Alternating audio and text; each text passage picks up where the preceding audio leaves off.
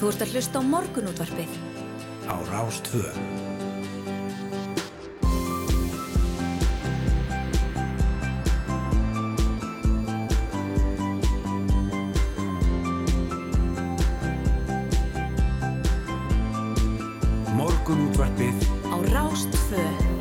Já, góðan og blessaðan daginn. Hér heldur morgunúttarpið af stað uh, 5. daginn 18. ágúst og það eru Snæra Sundardóttir og Yngvar Þór Björnsson sem ætla að vera með ykkur til ganni. Jú, jú, við ætlum að koma víða við í, í þættinum dag eins og oft áður. Nú íbúar á Ísafjörði hafa undanfæri kvarta mikið undan kríuvarpi. En kríum hefur fjölgað mikið á svaðinu síðastliðin ár. Við ætlum að ræða við Örnulárum Jónsdóttur bæjarstjóra Ísafjörðabæjar sem var falið á síðasta fundi bæjarráðs að leta lausna á kríu vandanum í bænum. Eh, hún var í, í viðtali við morgunblæði í gær talað þar um að, að það væri nú erfitt að, að hérna, fæla í burtu. Já, Það þekki þurfti mín... að fara Já, á eigin fórsendum. mitt, ef ég þekki mínu menn á Ísafjörði þá erum við með nokkrar hugmyndir um uh, hvernig er best að losna við kvíðar. Já, já. Þetta er ekki, það er ekki endilega að vera flókið. Ferðamannabransin tók svo rækilega við sig hér á landi eftir heimisfaraldur COVID að mannekla engendi sumarið og víða var uppsvelt í bæði gistingu og ýmsa afþreyingu og er raun og renn, það er bara ágúst. Þessu fylgja þetta einhverjir vakstaverkir og þessu dæmi að fólk sem búið hefur á landinu í afar skammastund, jafnvel aðeins nokkrar vikur, sé komið hlutur leiðsugumanna að segja ferðamönnum upp og ofan af íslenskri sögu, náttúru og umhverfi. Einhverjir hafa því velt fyrir sér gæðastöðlum ferðarþjónustunar og hvort þeim sé mætt. Þeir bæta þar svo mörgum inn í greinina á afskaplega skömmum tíma en hún Bjarnheður Hallstóttir formaður samtaka ferðarþjónustunar verður gestur okkar hér til að ræða þessa málta. Einmitt. En eins og framöfu komið telja hagfræðingar þjóðhagsráðs lítið svigurum til launahækana í vettur. Í ljósi verbulgunar er útlut fyrir erfiðar kjaraviðraður í haust og tæpla 160 kjarasamningar renna út næsta hálfa árið flestir í oktober eða november. Það eru meðal lífskjarasamningunum sem nær til yfir 100.000 launþega í stærstu stjættafölugum landsins.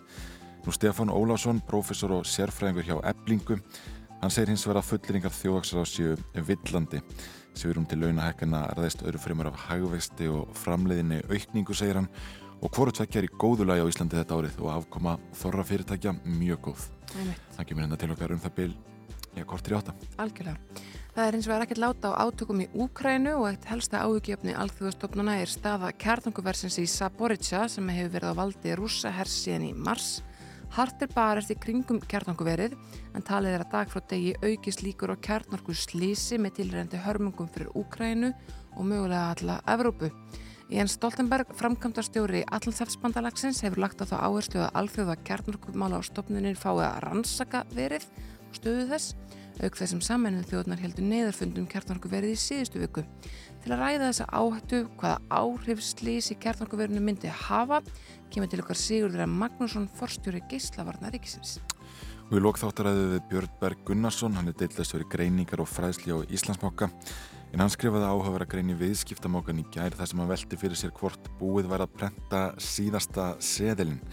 Það er ólíka skoðinu náttúrulega um mikilvægi áframaldandi útgáfu reyðufjár og Björn segir aldrei að vita nema 10.000 krónar seðlinn verði síðasta gerð af íslensku reyðufjö sem prentu verður og núvarandi seðlar og mynd fá að fjara út. Það er áhugavert að nefna hérna í, eh, í þessari greini viðskiptamokkanum í gær að áðurinn klingi föðrar að fullu upp í verðbólkunni gæti þó verið ástæði til að líta undir sessjurnar í sófónum því ennur tæpar 900 miljónir króna í umferð í formi 1, 5 og 10 krónu mynda Einmitt. Það er ótrúlega... meira en maður hjælt einhvern veginn Já, algjörlega.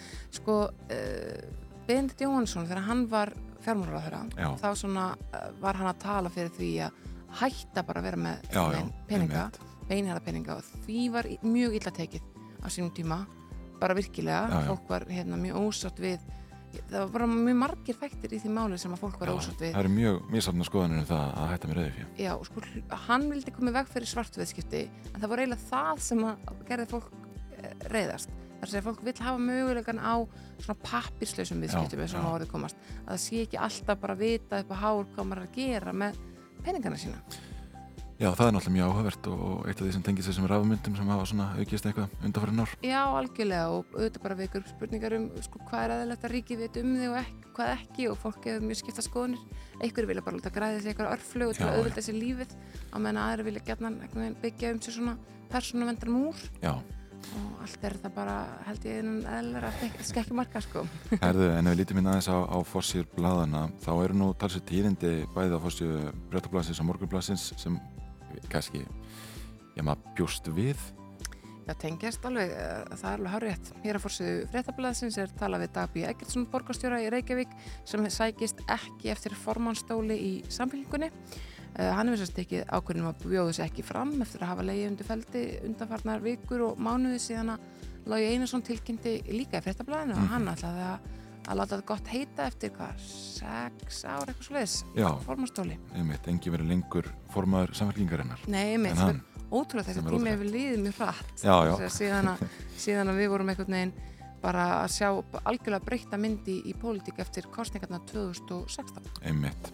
Nú hér á, á fórsíðum morgublasins er eins og er grein frá því að Kristrún Frostadóttir, alþingismæður samfélkingarinnar, hún ætlar að efna til fundar með stuðningsfólki sínu á förstu dag það tali að þar mun hún kynna formans frambóð sitt á landsfundi flokksins þarna í lok oktober og heimildi morgublasins hermaða fundunum verið í yðin og klukkan þrjú á förstu dags eftirmiðdag. Mm. E, þetta eru er, hérna nákvæmar e, upplýsingar sem fórst frá heimildamanni morgublasins hann en Kristján vildi ekkert um það segja sjálf. Ég staðfesti að það kemur tilkynning á fyrstadags morgunum bóð á fund, segir hún í Sverðilblassins. En Lógi Einarsson formaði samfélkingar hennar leitar ekki endurkjörs eins og við höfum sagt hérna. Mm -hmm. Naug Kristjúnar eh, hefur verið botlulægt um frambóð dags B. Eggerssonar borgarstjóra segir hér.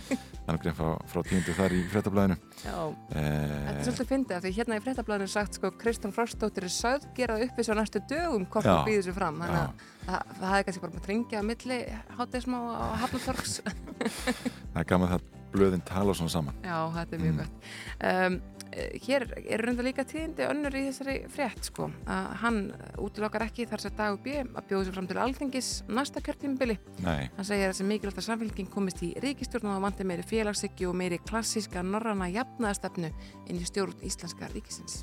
Einmitt, einmitt. Nú það er nú talað margt og mikið hér eh, uh, í morgumblaðinu stúdvöldblað uh, hér er til að mynda talað um það að, að ja, viðkoma rjúpunar á Norðausturlandi hefur aldrei verið lagari frá því mælingar hófust 1964 samkvæmt niðurstöðum Náttúrufræðistofnunar Íslands. Svipaða sögum og segjum útkomuna á Vesturlandi en það er Ólafur Kári Níelsen fugglafræðingur hjá stofnunni sem ræðir hér um morgunblæði og segir alveg ljósta veiðin verði langt undir vendingum með það sem já, vorstofnin gaf til kynna en þá var mikil uppsveifla í stofninum á milli ára ástæðan fyrir lagari við komum núna er slæm veðurtíð og réttviður í síðari hluta júni og, og júli mm -hmm. Fugglarnir hafa líka skoðanir á veðrinu. Jújú, jú, algjörlega. Hér um, á fórsviðu Frettablaðins er sagt frá því að það hafi þrýr ítalskir aukaþórar uh, játað á sig utanvegsakstur Uh, Norður að vatnajökli í byrjun vikunar löguröglan á Húsavík hafði upp á þessum mönnum um, í ferðarþjónustunni Fjalladýrði Möðrudal kveldi sama dags og uppkomstum um umhverfspjöllin þeir játuðu sög á staðnum enda böndu hjólborðin og einu bíla manna til þess að þeir hefðu markað djúpa slóð. Þetta voru svakalega myndir sem byrstust í fjölmjölum í gær af þessum utvengsakstri þar að segja þessum hjólförum sem að, að þarna sást þetta var hérna já þau voru ansið djúp. Og bara heisa að fólk kemast upp á þeim sko. Ég mitt og nú geta það sérna á fórsöðu já, á vefrúf, við talaðum um það að þrýr ítalskir ferðalangar hafa játa á sig ólöflega. Já, þú varst að tala um þetta. Setjum við maður svona neyður sokkin í blöðin að maður, maður nær þess ekki almennilega. Þetta er mjög áhugavert. Eh, og, og einhvern veginn ekkert alltaf sem þetta fólk finnst sem verður stundar hann utan við Nei, sko ég held að fólk veit ekki þetta sé bannað. Nei, nei, nei, ég held ekki. En það á að kynna þetta rækila Vætum við eins og að fara að skipta yfir á, á fréttastofuna fá veður og, og farið hér eftir smá. Já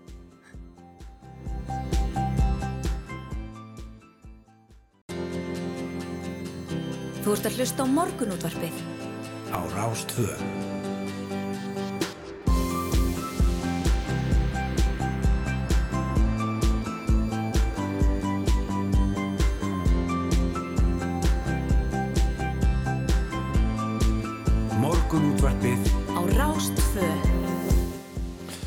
Morgunútvörpið býður góðan dag 5. daginn 18.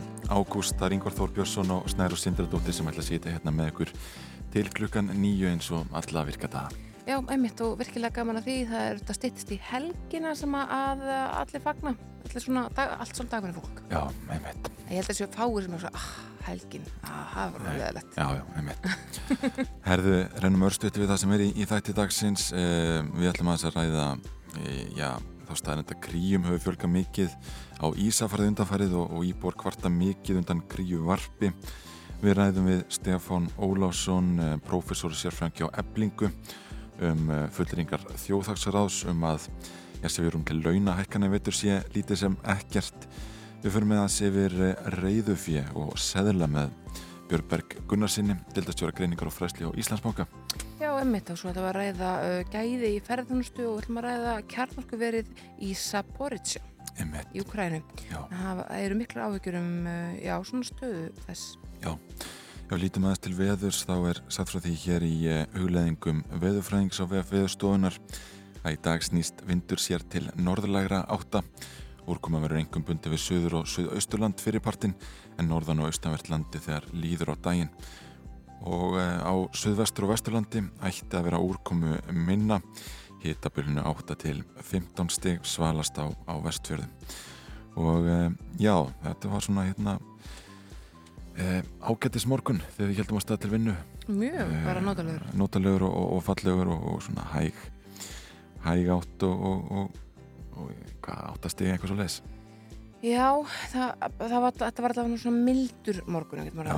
Uh, hér á vegargerðarinnar er auðvitað aðalega framkvæmtafrættir loka verður að bústaðavegi uh, á morgun og til og með 28. ágúst frá nýja hringtorkuna Reykjanesbröð vegna vegavinnu þar sem að aðstæður fyrir hjáleður eru ekki hagstæður er vekkfærandum metta á kynans leiðarval áður en lagtar af stað og það er kannski verðt að taka fram að þegar það eru lúkanar bústæði vegi eða þrengingar þá stíplast allt hér á höfusvæðinu þannig að fólk þarf að vera mjög með þetta en þetta.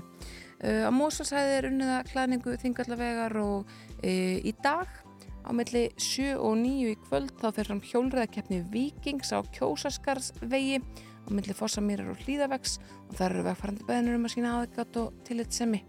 Svo er unniða fræsing og malbyggun og drottningabraut á Akureyri og, og á norðan veðurum Kísilvegi á norðusturlandi og alls konar, ég veit ekki hvað og hvað. En allar hægstu leiður á hálendinu eru opnar. Já. Skulum fá fyrsta lagdagsins Líðudor Open með Silk Sonic og síðan höldum við hér áfram Snæru Sindradóttir og Ingo Þór Björnsson.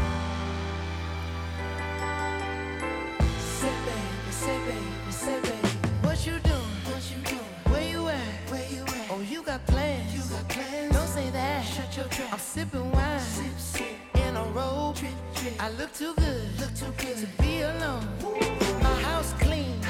My pool warm. Just shake smooth like a newborn.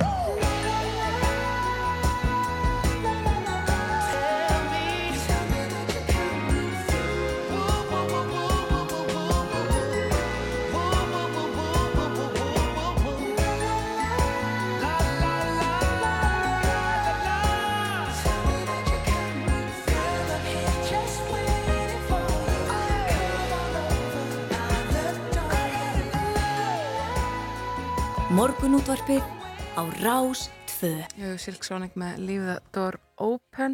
Hvað er að frétta svona vefnmjölunum yngur? Við rákum augunni það hérna, ég gera hvist augunni það hérna í eh, morgun þætti eh, Breska Ríkis út af sinns að eh, það var verið að greina frá því að Sir Jim Ratcliffe sem við Íslendika þekkjum nú ágætlega eh, hann hefur líst áhuga á því að kaupa Manchester United og losa félagið undir eh, undan krísunni sem það er í undir eh, Glazer fjölskyldunni Já. Það talaði um þetta hér á VF Vísis líka Þetta er aftur eftir talsmanni Ratcliffe í breskum fjölmjölum í dag en Ratcliffe er ríkasti maður Breitlands sangvært Mirror mm -hmm.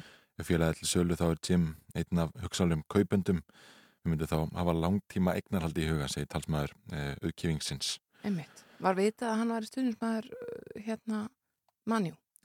Ég er allavega ekki það djúft inn, inn í boltanum að, að ég veit það. En þetta fyndi að því að, að, því að Elon Musk hann uh, tweetiði gerð Also I'm buying Manchester United, you're welcome. Og svo var það bara djók, hann bætti því setna bara þetta er hérna já, þetta er brandari, segja, sagðan Já, já, einmitt. En þannig að það er svona helstu auðmenn heims að bítast um bítast um þetta. Ég, ég, hvað stórveldi, fyrrum stórveldi fyrrum stórveldi eða ég bara, já, ok. Það var alltaf grein fyrir því hérna síðasta höst að, já, Ratcliffe hann var hættur að kaupa upp land á Íslandi já. eftir að stjórnvöld settu lög sem gerða fyrir frekari landakaup. Uh, hann ætlar að finna aðra leiði til að venda allasafslagsin eins og norðaða mm -hmm. Jújú, þetta er, er rétt, hann hefur verið stórtekur hér. En svona allasir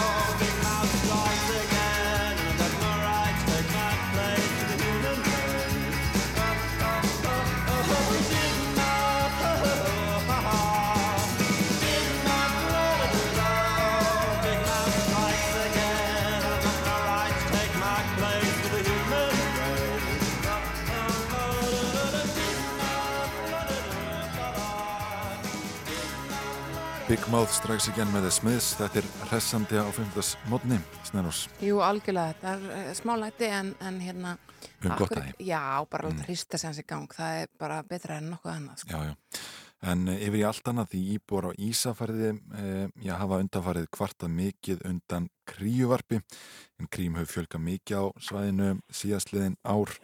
Nú Arna Lára Jónsdóttir bæjarstjóri Ísafjara bæjar er á línunni, góðan daginn. Já, góðan daginn. Þér var falið á síðasta fundi bæjar ás að leita lausna á þessum vanda. Hvernig leysir maður kríuvanda? Já, sko við erum þetta bundan á því að krían er náttúrulega friðu þannig að við þurfum að eitthvað neðin að fá hana til þess að færa sig að við getum ekki gripið til neitt aðgera það sem hérna já, hún er friðu þannig að við þurfum að taka til til þess Já. en þetta er alveg rétt að henni bara fjölgað alveg gríðarlega og hérna hefur verið að færa sig frá öðrum svæðum Mhm. og hann það er orðið hérna mjög mikið að kríum þannig að mér líður stundum eins og ég sé hérna í myndinu Börst eftir Hitchcock þegar ég hérna reyna að komast þarna fram hjá sko þannig að þetta er mjög mikið Sko, hvar er þannig að ég skil íbúa mjög vel Já, einmitt. Sko, krían hefur mjög lengi verið svona stórtækarna rétt fyrir utan Bólangavík, en hvar er það í Ísafirði sem að hún er orðin svona opvastlega verpir og er svona aðgangsverð? Já, sko, þetta er nefnilega, hún er hann eiginlega alveg á vestastað, hún er eiginlega milli bónus og hérna hverfi sem er búið að vera uppbyggingu og er bara svona fyrir framan leikvöldin. Já. Já, Þannig að þú kemst ekkit inn í hverfin ef maður fari gegnum varpið og hérna og það er bara allt fullt af fugli og núna svona þegar ungarnir orðinni fleir þá er bara, er þeir mikið á guttinu og er þetta lendið því að bílar eru að gera það og svona, Mm, að þetta er bara mjög mikið. já. mm, Þannig að hérna, Þetta er þarna einhver og stöður hún í... já, þetta er bara hérna í, í, í, í hverfið, þú veist, inn í botninum á fyrðinum. Þannig að þetta er svona helstu rökin fyrir Og- þettingu byggðar. Já, akkur. En hún leitar mikið í okkur og hún vil vera í náðu við fólk og það er öryggið. Það, er það er hún frí fyrir öðrum. Einmitt, En, en hún vil samt ekki hafa okkur ofnálægt þér. Hún vil bara vera svona í náðu við okkur. Þannig að þetta er bara, þetta er ástand sko. Já, það hérna. voru bara að fara út í búð og svona. já, ok. Þannig hún er bara mjög ágeng. Já, já. Það talaði það í fjölmjölum hérna í gæra að, að hún væri hérna mikið fyrir framann einhvern leikvöll í hverjunu. Já, Er hún að þetta hrella, bara- hrella börnin? Já, já, og bara alla íbúa. Mhm. Hún er bara mjög ágeng. Mhm, mhm. Þannig að hérna, og sem, sem maður ber svona ákveðna virðingu fyrir henni, hvað hún er vöndar, náttúrulega unguðið sitt vel og Mhm. hún vendar líka bara aðra fugla því að bara öðru fuglalið hefur bara, það hefur líka blómstra Mm. eftir að kríinu þegar hún bara verð þetta svæði bara með kjæft og klóm sko. Mhm, mhm. Og sko, er, ég hún, eins og þú nefnir, hún er friðuð, uh, það má eintalega ekki færa reyðurinn hennar því að þá kemur hún ekki aftur í þau og stopnin fellur. Þú sko, hvað, ég meina, hvað ætlaði að gera? Ætlaði það bara að bjóða upp á prik við ingang og útgang þessa varpsvæðis þannig að fólk geti gengið Við erum búin að prófa það, Þið eru búin að prófa það? það er búin að prófa það Já. og það virkaði ekki og það er búin að prófa að dreifa skít og það bara heldur ekki árangur Nei.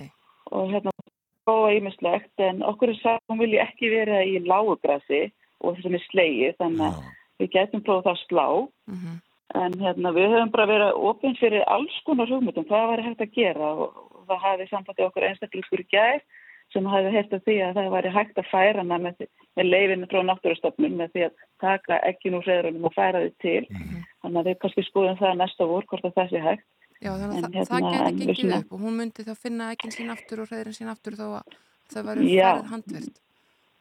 Já, nú segi ég þetta svona án, án ábyrðar, ég var að fara að ræða þetta við náttúrufjörðstofnun, Mhm. hvort að þetta meir enlega sko, en Mhm. hérna, en við erum bara opinn fyrir leiðum, af því við skiljum mjög vel að þú sendur íbúa, þetta er alveg óbærlegt já, fyrir já.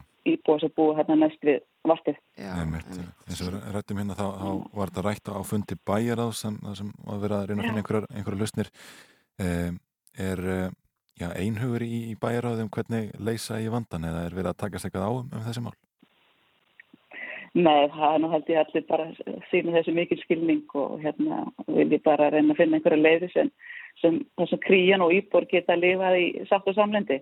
Einmitt. Mm. Hún er náttúrulega búin að vera hérna pínu á hrakólum, hún var fyrst mikið við flugvöllin og svo var öryggisæði flugvöllin stekka þá fluttum svo til Mhm. og það var náttúrulega þannig þegar fólk kom til Ísafjörður úr, úr flugi þá var bara velgóðin til Ísafjörður þá bara kríjan alveg brjálið þannig að hún flutti sig Já, og þá fluttu sig hérna neyra á hafnasæði og nú erum við að dyrka og mikla frænkatir í gangi og hún er svona á hálfgjörður hrakólum Já. þannig að nú erum við komin inn í þetta fína hverfi og til þess að vera bara í öryggi við leikvöllin Mhm.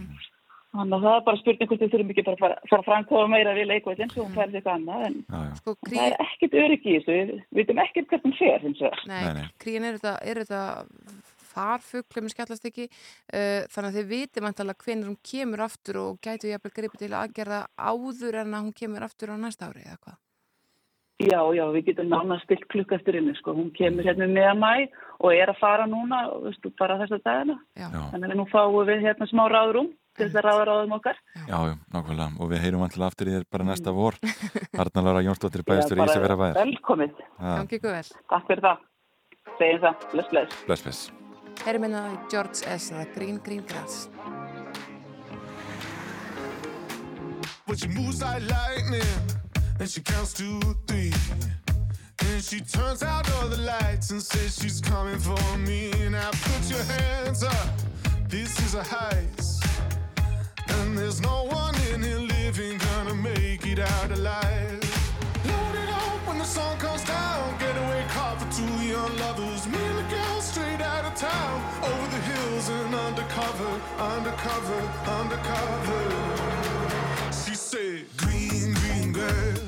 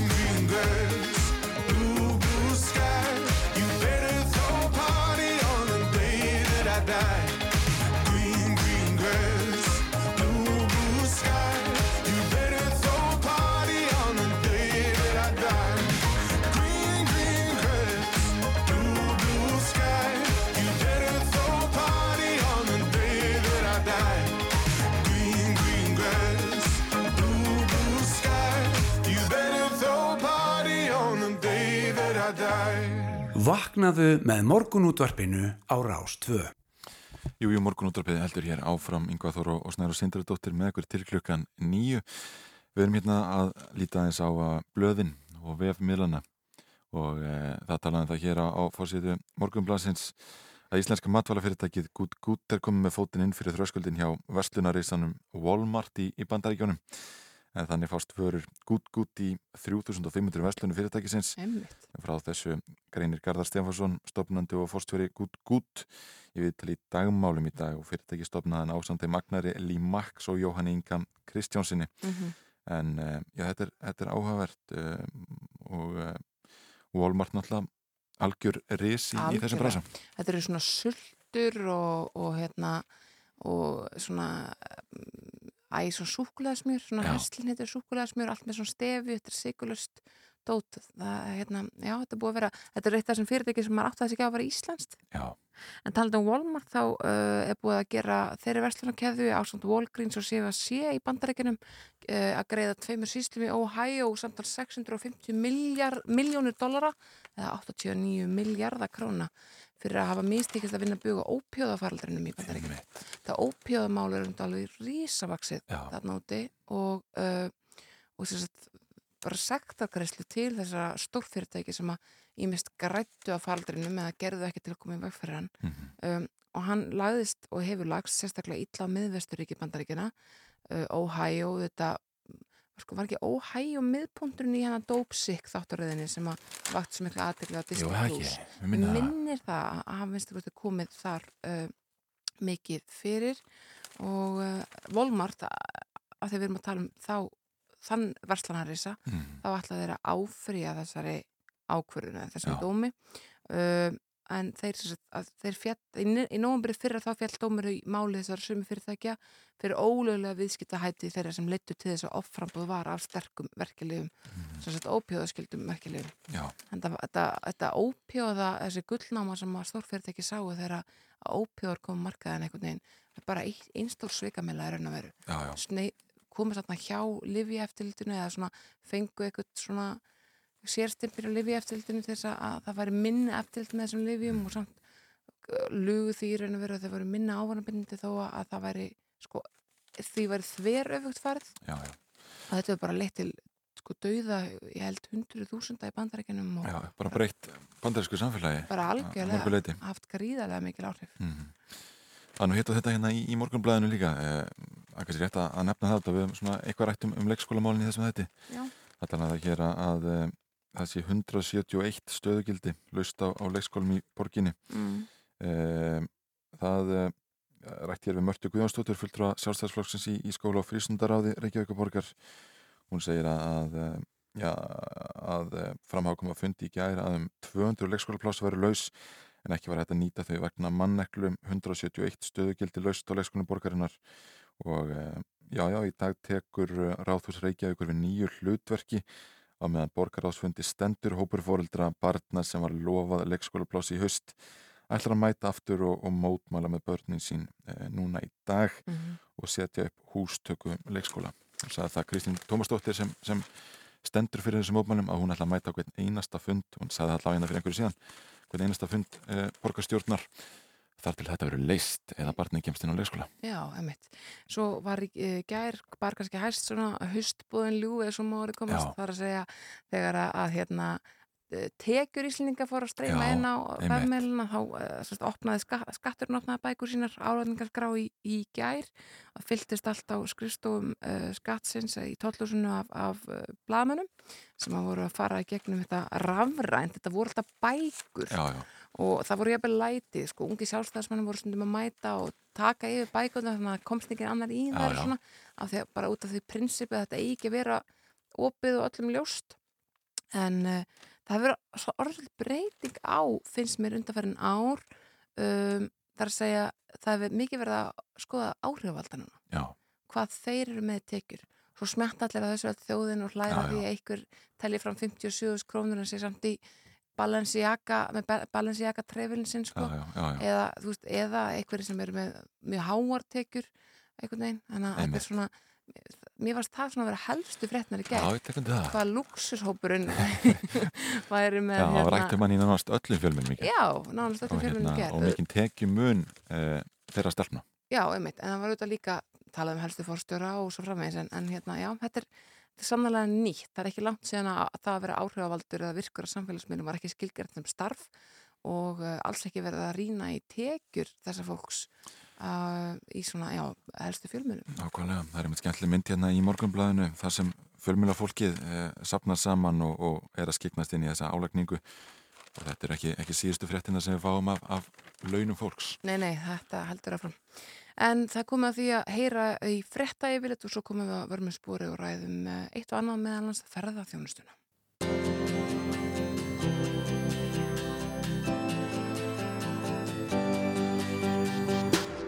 Þú ert að hlusta á morgunútvarpið á Rástvö. Jú, áfram heldum við hér í morgunúttarpinu og hún er sérst hjá okkur Bjarniður Hallstóttir, formaður samtaka ferðarþjónustunar. En hlum að ræða við hana að hann öðra vöxt sem hefur orðið í greininni í sumar, það hefur verið mikil mannekla og þess eru dæmi að fólk sé komið í hlutverk leiðsugumanna eða já, í önnur svona upplýsingaþungstörf eh, eftir að hafa verið hér í erskaplega skaman tíma og, og eh, já, maður velti fyrir sér svona gæðastöðlum ferðarþjónustunar í, í því árferði. Vertu velkomin. Takk fyrir. Sko, já, ég þekki dæmið þess persónulega, fólk sem hefur búið hér í örfa á vikur, er farið að leiðsegja ferðamönnum um land, þjóð, menningu og, og sögu og, allt gott að blessa með það, en, en sko í svona ástandi þar sem að hefur verið, um, já, bara gríðlega vöndunni geiran, hvernig tekst ykkur að halda uppi bara gæðum þjónustunar og réttri upplýsingagjöf þannig að hérna, að hér gungum við gætlum og, og ferðamenn gangum og halda að Jón Sigursson sé fyrsti fórsatin eða skilur ég mig, bara það séu svona rángfarslu sem að fara í gang. Ég skilur, þetta er hérna, þetta er hárið tjáðir, það ferðarþjónustan hefur farið miklu hraðar á stað heldur en nokkur áttu vona og, og það hefur vissulega verið, það hefur verið flöskuhálsar og, og í varðandi hérna ímsu þjónustu og þar á meðal hefur verið skortur á leysögumönnum, mm -hmm. sérstaklega á ákveðnum tungumálum, það er svona mest frambúð af leysögumönnum á ennsku, mm -hmm. síðan er erfið að fá til dæmis tískumælandi og franskumælandi og ég tala nú ekki um óalgengari tungumál. En hins vegar er það nú þannig að, að þau fyrirtæki sem að hérna, taka sig alvarlega og uh, vinna af, eða hafa gæðið og fagmennsku að leiðaljósi, þau auðvitað gera sig grein fyrir því að leiðsugumenn eru einn mikilvægasti þátturinn í skipilögum hópferðum og ég held að fyrsti kostur á þeim sé ávalt að, að ráða til sín leiðsugumenn sem hafa fengið tilskilda mentun og þjálfun. Mm -hmm. En hins vegar kemur það upp og, og það hefur kannski verið í, í sumar þó ég svo sem þekki ekki einstök dæmi að, það, að ferða þjónustu fyrirtæki hafa ráðið til sín fólk sem kannski ekki er með mentun eða, eða þjálfun mm. og, og, en ofta er það nú þannig að, að eh, fólk með ákvæmna þekkingu á öðrum sviðum getur tekið að sér leysög þó þeir hafa kannski ekki gengið í gagnum leysögunámið. Mm. Mm. Þannig að eins og ég segi, ég held að flest fyrirtæki gerir sig grein fyrir þessu mikilvægi og vandi sig sem bestu kostur þegar þeir fá fólk til þess að leysæja. En hins vegar megu ekki gleyma því að þetta er orðin mjög fjölbreytt flóra. Hérna áður fyrir voru leiðsögumenn, það voru kennarar sem voru í sumafríi ef við horfum svona 30-40 ára áttur í tíman. En núna er þetta orðið þannig að þetta er sérhafðar, þú getur sérhafði í alls konar leiðsögn, til dæmis fjallarleiðsögn, jöklarleiðsögn, leiðsögn á vatni, leiðsögn í kvalaskoðun og oft, oftar en ekki er þetta fólk, eh, fólk sem kemur erlendis frá og er þá með sérþekkingu á þessu, þessum sviðum. Mm. Þannig að það er svona erfitt líka alhæfa um þennan hóp. Hann er mm. mjög fjölbreyttur og alls konar. Mm -hmm. En ef við byrjum stöðuna saman við þá stöðu sem var 2018 og 19, er, er mannauðurinn allt annar núna í ferðarþjónastöðunan var? Já, það hefur orðið töluverð breyting, reyndar höfu svo sem engin gögn til að stiðast við en tilfinningin er svona svo að það hafi nokkuð margir horfið úr greinni á meðan á faraldurinu stóð sem er kannski eðlilegt, fólk fekk bara aðra vinnu og, og hefur kannski ekkert viljað hætta í hennu og koma aftur. Og þetta er ekkert bara á Íslandi, þetta er, þetta er út um allan heim, það sem er verið að glíma við tölverða manneklu í þessu. En hins vegar eru við að vona núna uh, lítur þetta allt saman vel út þannig að við fyrum að fá fleira fólk og svo er bara mikilvægt fyrir okkur Íslendinga að fara að gera áallanur um að menta og þjálfa fleira fólk inn í greinina því að eins og þú bentir á snæðros þá er náttúrulega uh, varandi gæði og fagmennsku þá er náttúrulega grundvallur, grundvallar atrið að við höfum þjál, vel þjálfað og vel menta fólk í greinni mm -hmm. einmitt til að halda upp þessum gæðum sem við viljum standa fyrir. Í hverju fælst svo mentun? Hvað þarf góð leysum að hafa og hvað þekkingu þarf að hafa? Það, hún er nú ímis ef við ætlum að henn fullkomni leysumæður en náttúrulega hefur mjög góða þekkingu á land og þjóð. Já. hann þarf helst að tala íslensku. Mm. hann þarf að vera með öryggismálunum hreinu. Hann þarf að kunna umgang á ferðamannastöðum. Hann þarf að geta að tólka náttúruna. Það er svona, svona nýtt svið svona auka, með því auka upplifun gegnum önnur skilninga við teltu bara kannski augu og eiru mm. og síðan þarf hann að hafa hópstjórn á hreinu. Hann þarf að vera góður í samskiptum. Hann þarf að geta eh, átt við erfið einstaklinga. Það er oftast einn erfiður einstaklingur í hverjum mm. hópi sem er á ferðinni. Og svo náttúrulega, já, svo náttúrulega viðbröfi áföllum til mm. dæmis sem að geta alltaf orðið á, á, á ferðarlegum um, um, um Ísland. Mm -hmm. þannig að þetta er, þetta er ímislegt sem að góðu leysugumar þarf að hafa vald á. En þegar staðin er svona í ferðarþjónstunni það er mannekla og þá þarf að leita að, að starfsfólki eh, er þá öryggi ferða fólks einhver liti stemt í hættu í einhverjum tilvíkum að það er ekki verið að fá, fá fólk sem er menta sérstaklega í, í leysum til að sinna henni? Ég vona ekki. Auðvitað bera fyrirtækin sem að ráða leysumannina þarna ábyrð og, og, og þurfa náttúrulega að, að upplýsa fólk sem er á ferðinni fyrir þess hönd um allar reglur og, og öryggismál og svo framvegis. Þannig að ég vona svo sannlega að við höfum ekki verið með neitt slíkt í gangi. Mm -hmm. En er, sko, eru ferðamenn með ríka kröfur í þessum efnum eða er raun og verið að segja þeim hvað sem er um náttúrunum sem er fyrir fram að þau eða sögu þjóðarinnar og, og því er bara svona, eh, já, tekið sem, sem hérna Sko það er ofsalega misjamt hvaða, hvaða kröfur uh, hópar og, og jafnvel þjóðirni gera til, til leysóman og hvað, Mm. hverju þeir hafa áhuga á. mm. Þannig að það er, það er erfitt að, að alhæfa um þetta en það eru vissulega til hópar og þjóðirni sem gera mjög ríkar kröfur til, til mjög faglegra leysagnar. Mhm. Og hver er munurinn á þjóðarinnar þarna? Það er bara áhuga sviðin eru, eru mismunandi og tilgangur ferðarinnar. Mm. Við vorum hérna í upphafi ferðarþjónustu þá var þetta mikið um svona náttúru skoðara sem að vildu bara fara mjög djúft í, í landafræði, sögu, jarðfræði og svo framvegs en að nú er fara, farið að koma uh, svona í gæsalöpum venjulegra fólk sem að kannski Já. hefur ekki eins ofbóðslega mikinn áhuga á akkurat Nei, þessu, hefur meiri áhuga bara að taka myndir og Já, smá Sjá svona- yfirbórstakking ykkur já, í rauninum og segja, svo, segja sem svo. Nú talaðu það að, að, að sér engi skortur á, á leiðsögu fólki sem, sem talar ensku. Hva, hvaða hópa er erfitt að, að sinna, Hva, hvaða þjóðurinn eru það og, og hvaða tungumál sem ekki er hægt að, að, að svona hérna að bregða sig að fullu Sko núna í sumar þá hefur verið skortur á, ég get staðfest það bara úr eigin störum á þýskumælandi leysómanum. Mm. Það hefur einhvern veginn bara verið færra fólk, færri íslendingar að læra þýsku og það er leiðandi verður skortur á þessu fólki. Og vilja þjóðverjar gera þeir ríka kröfum að leðsögnin þeirra sé á því sko? Já, það, það er til dæmis þannig, ég veit að þannig bæði með þjóðveri á frakka, þeir vilja bara leysögn á sínum tungumálum, eru vanir því frá öðrum löndum, Já. þannig að það er ekkert slegi á þeim kröfum. mm Og svo náttúrulega, þó að Asju markaður sér ekki hérna inni núna, þá var hérna, fyrir, fyrir faraldur skortur náttúrulega á mandarin, uh, leysómanum sem töluðu mandarin Já, Mm -hmm. og, og as- önnur asísk tungumál. mm, Já, einmitt, já. einmitt. En enskan er svona, eh, sko, bandarækjumenni auðvitað að ferðast enga mikið. Bandaríkjaman eru núna eh, stæsti hópurinn, Já. núna eftir faraldur. Þannig að það hefur náttúrulega verið mikil eftirspurn eftir ennskumæri til leysómanum líka og sérstaklega því að bandaríkjumenn, þeir fara gætnan um í smærri hópum og vilja hafa með sér sin eigin leysóman. já. Þannig að það þarf mjög margast líka þegar, að- þegar staðan er eins og núna. Mm Mm. Við erum einhvern veginn fundist þegar maður er niður í bæ og, og svona á veitingastöðum og, og kaffehúsum að það eru fleiri núna sem komum frá, frá hinu Norðurlöndun. Er það ykkar tilfinning? Mm, ég hef nú ekki tölur sem styðja það Nei. en ef við skoðum útgjaldatölurnar fyrir júli þá, þá eru það þrjár þjóðir sem eru að standa undir helmingi allra tekna og það eru bandarækjumenn, langstæstir, Mm þjóðverjar og frakkar. Já, emitt.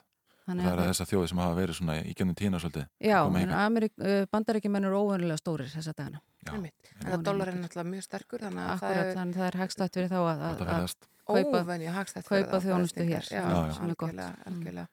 Já, þetta er mjög forðunlegt. Takk hérlega fyrir að- að segja ykkur frá þessu Bjarnæður Hallstóttir, formaður samtaka Takk. takk fyrir mig.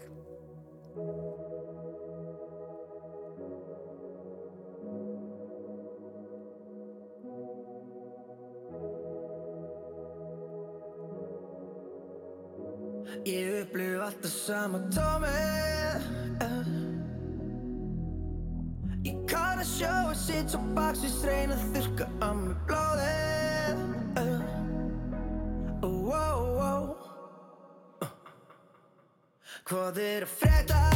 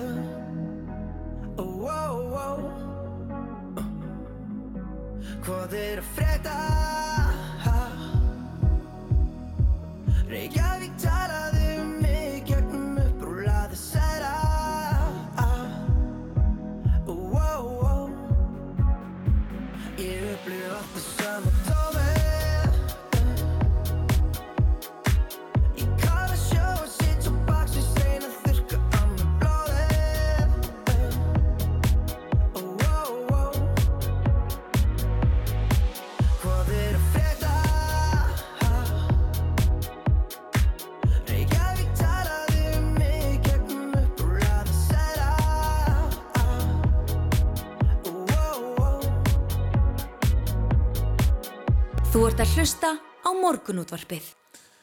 Jújú Gauti spyr hvað er að frétta og það er margt og mikið allavega hér í, í morgunútarpunni við vorum að ræða Bjarni Hallstóttur um uh, stöðu ferðarþjónustunnar og, og mannauðin þar Já, breytingar á honum svona uh, já, vegna þeirra stöðu sem uppkom núna fyrir, uh, já, fyrir tveimur árum, eitthvað Mhm, svo leiðis. Uh, hér se- segir uh, já, í nótt á vef Rúf að uh, í Rúslandi hafi fólki fækkað hægt og býtindum langt ára bil það sem er svona gerst í öðrum löndum reynda líka. En eftir stutt skeið eillar fjölgunar fækkar rúsnesku þjóðin nú aftur og hraðar en áður út, út á dollu kannski.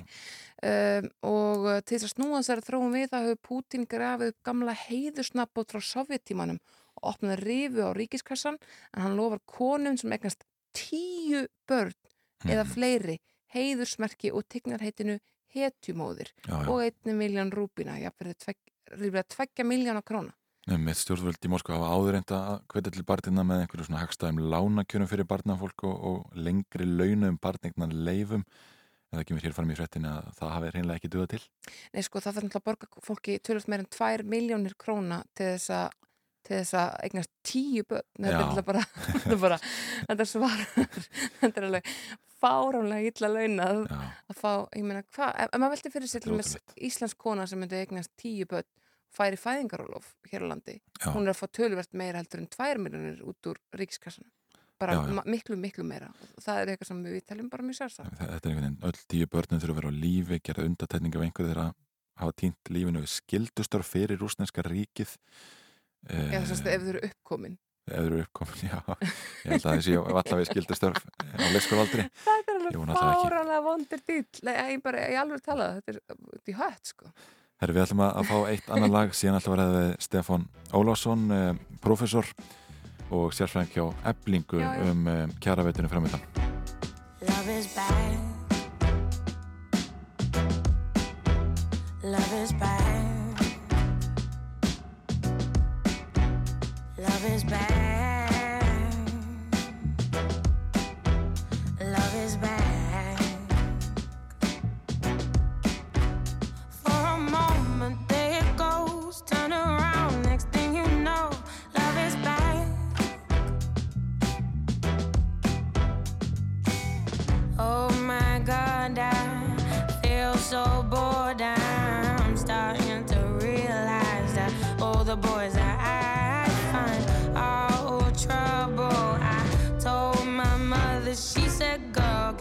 your glass full. So I did, and I saw you. I saw you gleaming across the scene, across the room. It's all in you. I need the meaning when I see it all in you. Love is bad. Love is bad. Love is bad. Love is bad.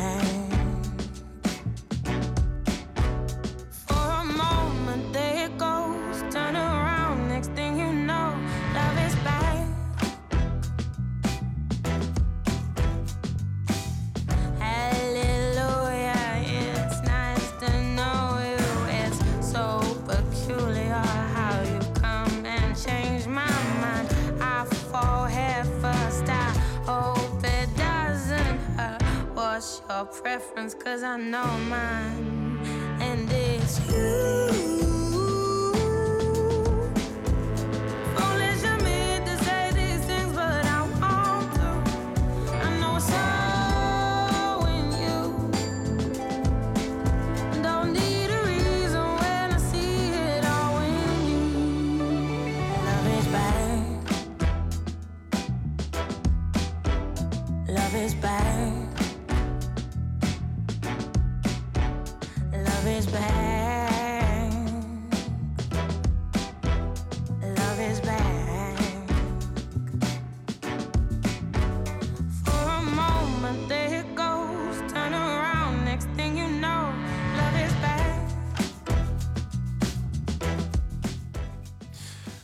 Love is Back með Celeste uh, Þetta er, þetta er ég er notalegt á, á fundarsmándi Já, já, sannlega, þetta er bara frábært lag. Við ætlum að ræða hér aðeins kjaraveturinn framundan eins og fram með að komið telja hagfræðingar þjóðasás Já, lítið svirum til launa hækkana í vetur. En í ljósi verðbólgunar er útlétt fyrir erfiðar kjaraveðrar í haust. Þetta eru tefnilega 160 kjarasamningar sem er enna út næsta hálfa árið. Flestir í oktober eða november og þar á meða lífskjarasamningurinn sem nær til yfir 100.000 launþega í stærstu stjættafölugum landsins. Nú Stefán Ólásson, professor og sérfæðingur hjá Eblingur hinga komin, góðan daginn. Góðan dag. Þú segir að fullringar þjóðhagsráð séu villandi að hvaða liti? Já, það eru villandi að því leiti að, að sveigrum til launahækka ræðst ekki að verðbólgu. Það ræðst að þjóðaframleðslu og framleiðinu aukningu og uh, hvað það snertir þá stöndum við ágætla á Íslandi í dag. Það spáð 5, minnstakosti 5% hagvexti á árinu og og eh, 2% framleiðinu aukning virðist vera nokkuð augljóslega í spilunum sem er hvortvekja ágætt og, og, og myndi þykja gott svigrum víðast hvar. Þannig að þegar að hagfræðingar stjórnvalda og, uh, atvinnureikanda eru að segja að það sé ekki svigrum vegna verðbólgu þá eru þeir að segja að þeir vilji nota verðbólguna sem tækifæri til að taka niður kaupmátt launafólks í landinu og hafa af því framleiðinni aukninguna sem að þó er fyrir hendi. Sko, þetta stangast auðvitað svolítið á við þessum að maður heyrir einhvern veginn bara og hefur heyrt í mörg ár þar að segja að ef að það komir ríkar kröfur um launahækkanir þá verði hér verðbólga og nú þessi verðbólga komin eh, sko, he- helst verðbólgan ekkert í hendur við launahækkanir. Sko, eh, þegar að menn hafa sagt einmitt þetta að ef að fara launahækkanir e, um of og þá eiga þeir alltaf við launahækkanir umfram framleiðni að það er þá sem þeir eru að segja að, að, að launahækkanirnar hafi beina áhrif á verðbólguna. En við erum að segja það að hér er framleiðinu aukning á, á borðunum og í kortunum og, og þess vegna er það algjörlega sjálfbært að taka hana út. Því ef við gerum það ekki þá er bara verið að auka hlut fjármagseiganda og fyrirtækjaeiganda af þjóðarframleiðslunni og, og minka hlut alls launafólks. Og, og uh, þessu höfnum við alfarið og, og hérna og uh, Þannig þið hefum vendilega tekið eftir því sko að, að, að í venjulegu árferði tala hagfræðinga mjög gæðan um að það megi hækka auka kaupmátt um, um framleiðinni aukninguna en, en hættan liggi í því að, að hækkunum fari umfram það. En við segjum svo sem að það er engi sérstök hætta í því þá gerist ekkit annað en að tekjuskiptingi myndi breytast í þáu launafólks ef að, framleiðin, ef að, ef að laun hækka umfram framleiðinina. Þannig að verðbólgan er af öðrum ástæðum í dag heldur en á launahækunum á Íslandi. Hún er vegna stríðsins í, í Úkrænu, áhrif þess á oljuverð og, og matvælaverð og, og, og, og það eru tafir í, í aðfangakeðjum í heimsækjörunu. Svo er húsnæðskostnaðurinn þetta mjög stórlið. Já, innlendi, það er eini aðal, aðal innlendi orsakavaldurinn er húsnæðiskostnaðurinn og hann er ekki sérstaklega vegna, vegna uh, launa byggingaverkamanna, hann er vegna, vegna annara ástæðana sem er ófullahendi af húsnæði. Ég og segi- hækkun vaksta til dæmis hún hjálpar ekki við að framlega meira húsnæði. Hún Nei. gerir framleyslu kostnaðin dýrari. En myndi aukin kostnaður ekki auka þrýsting á húsnæðismarkaði?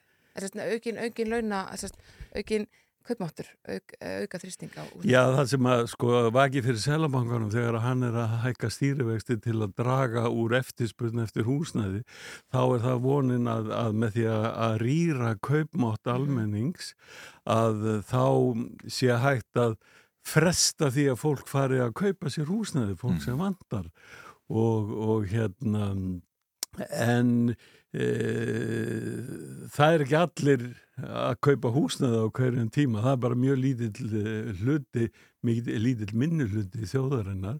En stýrivaksta hækkun hún lendir á öllum sem eru með húsnaðiskuldir mm. Og er þar að leiðandi mjög svona bæði ómarkvis aðgerð og, og það er bara alls ekkert í augljóst að þó að við rýrum kaupmátt launa þá svo sem lettir hann á fyrirtækjum auðvitað og skapar aukin hagnað fyrir eigandur þeirra á stjórnendur.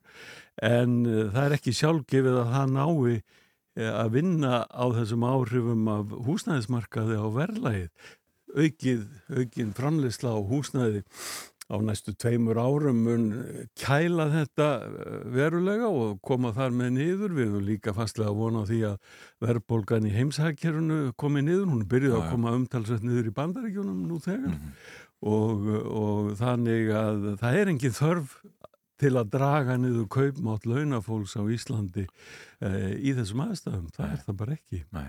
Við höfum hérna í fréttaefilitinu fyrir einhverjum 20 myndum síðan að eh, já, fórseti ASI og framkvæmdastjóri samtaka aðtunulífsins er að takast á um það hvort og þá hvernig stjórnvöld eða hafa aðkomið að kjara viðræðum í, í haust um, framkvæmdastjóri samtaka aðtunulífsins svona kallaði þetta því að, að stjórnvöld myndu aðeins býða þar til lengra er komið Hvernig blasir þetta við þér? Er, er nöðsulegt að stjórnvöld komi strax að borðinu með einhver eins og lífskjárarsamlingum? Ég held að það hjálpi bara mjög mikið til að stjórnvöld komi og komi myndarlega eins og þau gerðu í, í lífskjárarsamlingnum og, og, og ég held að það sé alveg lámarkað að þau geri eitthvað svipari stærðagráðu helst meira, það er víða brótalamir í velferðarkerfinu.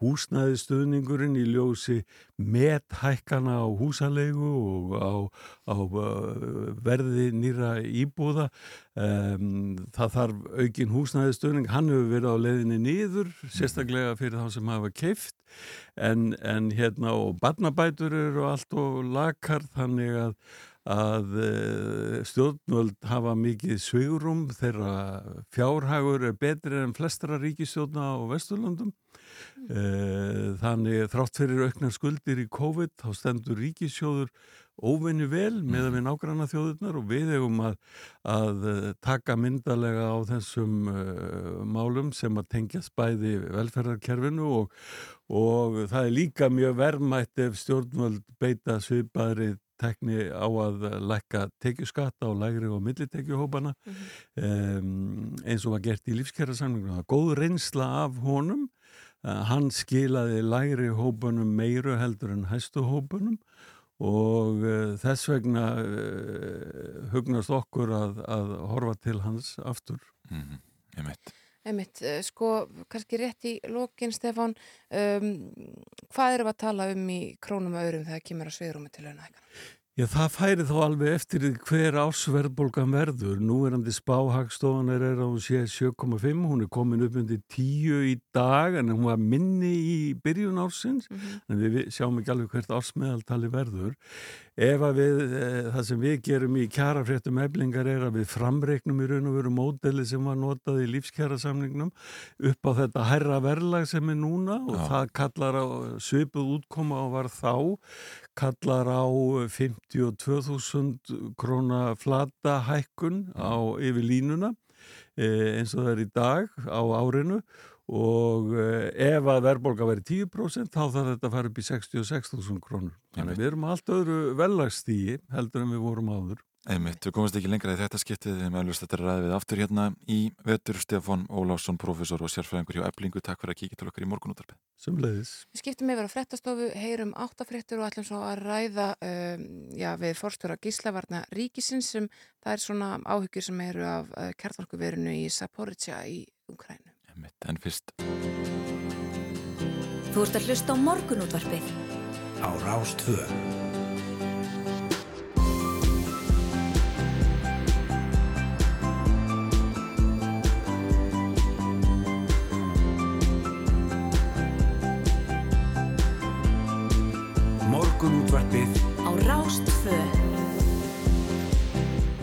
Áttafréttir að bækja og morgun útrapið heldur hér áfram. Það margt framöndan hjá okkur. Við allum hér í lokþáttar að ræðið Björnberg Gunnarsson deildastjóra greiningar og fræsli á Íslandsbanka. Já um uh, já, seðla og, og peninga. Já. hvort eitthvað vitsið því að vera áfram að gefa út reyðufjö en nú ætlum við að ræða stríði í Ukrænu Jú, jú, það er ekkert láta á átökum þar og eitt helsta áhugjefni alþjóðastofnana er staða kjarnorkuversins í Saboritsa sem hefur verið á valdi rússahers síðan í mars. Það er hart barist í kringum kjarnorkuverið og talið að dag frá degi aukist líkur á kjarnorku slisi með tilræðandi hörmungum fyrir Úkrænu og jafnvel Evrópu allra. Jens Stoltenberg, framgættastjóri Allsarfsbandalagsins hefur lagt á þá áherslu að alþjóð og kjarnorkumálastofnunin fá að rannsaka verið auk þessum saminuð þjóðnar heldur neyðarfund um kjarnorkuverið í síðustu viku. Hann er komin inga til eitthvað til að ræða þessi mál Gísli Jónsson, viðbúnaðarstjóri Gíslavarnar Ríkisins. Ertu velkomin? Takk fyrir. Sko, um, þetta eru miklu áhugir sem að menn hafa af þessu kjarnorkuveri, það eru þetta hörmungasaga um slís í, Evrópu þegar kemur að kjarnorkuverum. Þarf að hafa miklu áhugir af þessu? Já, já, við höfum náttúrulega ágjur að þessu til þess að bæta við að þá voru Evrópusambandið ásamt uh, mörgum öðrum Evrópulöndum, uh, Kanada og hérna, bandaríkjónum sem skrifuðu uh, hérna, tilkynningu til EIA þar sem þau voru að fordæma það að rússar væru með herlið hjá hérna, kjarnorkuverinu. Mm -hmm. Þannig að e, fólk hefur náttúrulega ágjur að hérna, það séu hermenn við kjarnorkuverið. Mm. En þetta er samt ekki, sko, bara svona fyrir maður að segja svona öryggisstaðla og hvernig kjarnorkuverið eru byggð. Þetta er nú ekki alveg þannig að hérna, byssukúlan geti gert gat og, og það myndi allt springið loftu. Nei, og, og náttúrulega ef, ef, maður, við, ef við lítum tilbaka náttúrulega Tjernobyl var mjög ítla hannað kjarnorkuver og, og sprengingin þar hérna, við hefum ekkert vona á neinu slíku þó eitthvað gerist í, í, uh, í kjarnorkuverin hann er Seborissia Mm. uh, og ef við tökum Fukushima til dæmis að, að sprengingarna þar voru ekki í rauninni kjarnorkusprenging eða, eða heldur var það ga, gas sem uh, var til í kjarnorkuverinu sem var að springa mm -hmm. Þessi, þessi típa kjarnorkuveri sem er þarna í Saborissia eru hérna e, er að framlega cirka 1000 e, megavött af, af ramagni e, kjarnorkuofnin sjálfur er náttúrulega hérna í svona stáltank og, og utan hann er svona bygging, kallað containment bygging sem er sko virkilega Mm -hmm. sterk og með svona 1,2 metra af, af hennar steipu og síðan ef ég mann rétt 8 mm af, af stáli þar innan við. Þannig að Já. svo bygging sjálf á að þóla heilmikið, uh, stór flugvil geti flóið á bygginguna, hún myndi hérna, þóla það, þá eru þóla sterka jarðskjálta og slíkt. Þannig að hérna, einhverjar smá sprengingar fyrir utan ættu ekki að, að, að skada hérna, kjarnorskofnin sjálfan. Einmitt. Það er kannski frekar einhver mistök sem erðu inni í kjarnorkuverinu. Við vorum að ræða þetta hérna áðan. Þetta eru sex opnar vanalega en það er úkrænst starfsfólk sem er að halda tveimur gangandi eða eitthvað. Já, þeir minnir að ég upphafi eh, þegar rússar tóku yfir að þá hafi verið hérna, fjórar opnir, opnar í gangi af sex Mm -hmm. eh, en núna eru sem sagt eh, tveir í gangi, það var slögt á einum opni þarna þegar eh, það verið átök þarna 11. ágúst Mhm. og þá hérna skemmtist háspennulína sem var til þess að þau þurftu að slökka á einum opninum og náttúrulega það er ekki gott fyrir starfsfólk að ukrænsk starfsfólk að vera að vinna þarna á hernumdu svæði. Nei. Nei. Og það er staðana, að það, þarna er úkrænst starfsfólk, starfsfólk sem gengur vaktir í þessu kjarnorkuveri og rússar standa vörð með svona, já, tilræðandi yfirgangi og frekjuvandala. Já og bara hættu á átökum sko. Að, að, það hafa verið einhverja sprengingar þarna, hvort sem það eru rússar eða, eða ukrænumenn að, að þarna, það er bara ekki gott. Það er, Nei.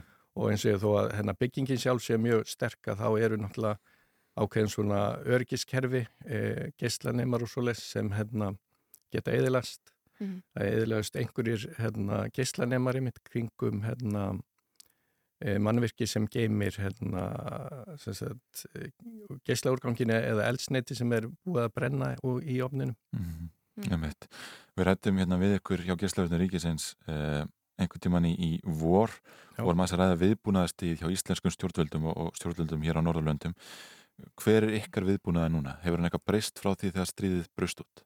Nei, sjálfu sér ekki. Við hérna, erum bara fylgjumst uh, vel með uh, IAA hefur verið með reglulegar tilkynningar, sem við fáum alltaf til okkar.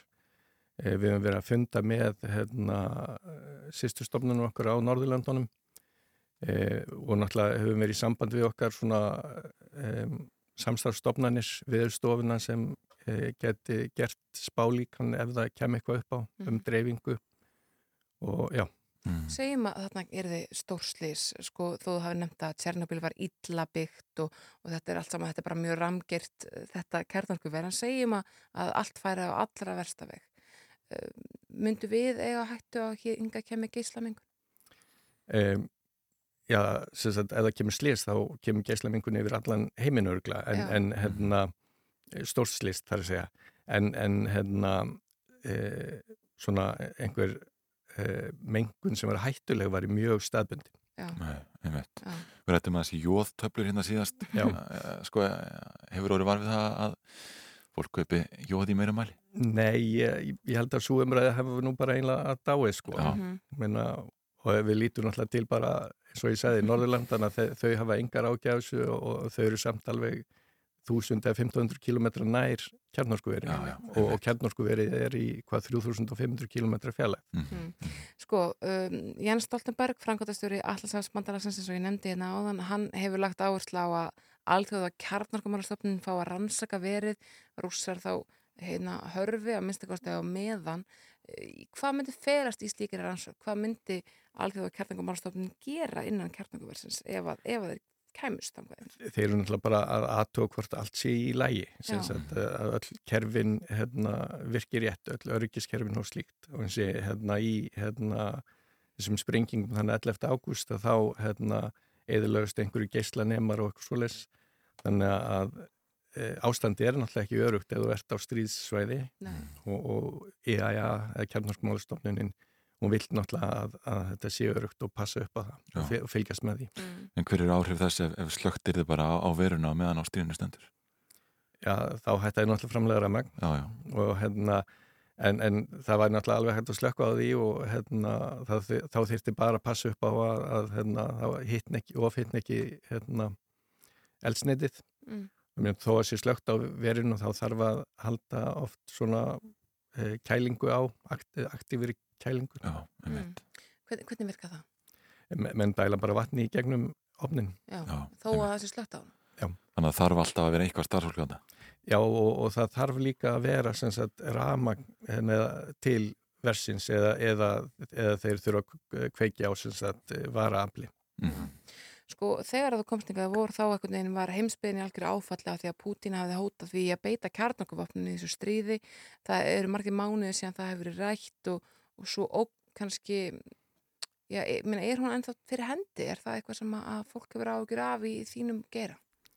E, ég ætlum nú ekki að spekulera um það en, en ég hef ekki sagt náttúrulega í upphafi kjarnorku hérna, tímans að þá það voru sprengdar hérna hundruðu kjarnorkusprengja í andrumsloftinu og hérna þó að einhver einn sprengja verið sprengt einhver staðar að þá eh, er það ekkert hérna, í sjálfu sér skelvilegt, sem þetta ekki geislamengunin. Nei.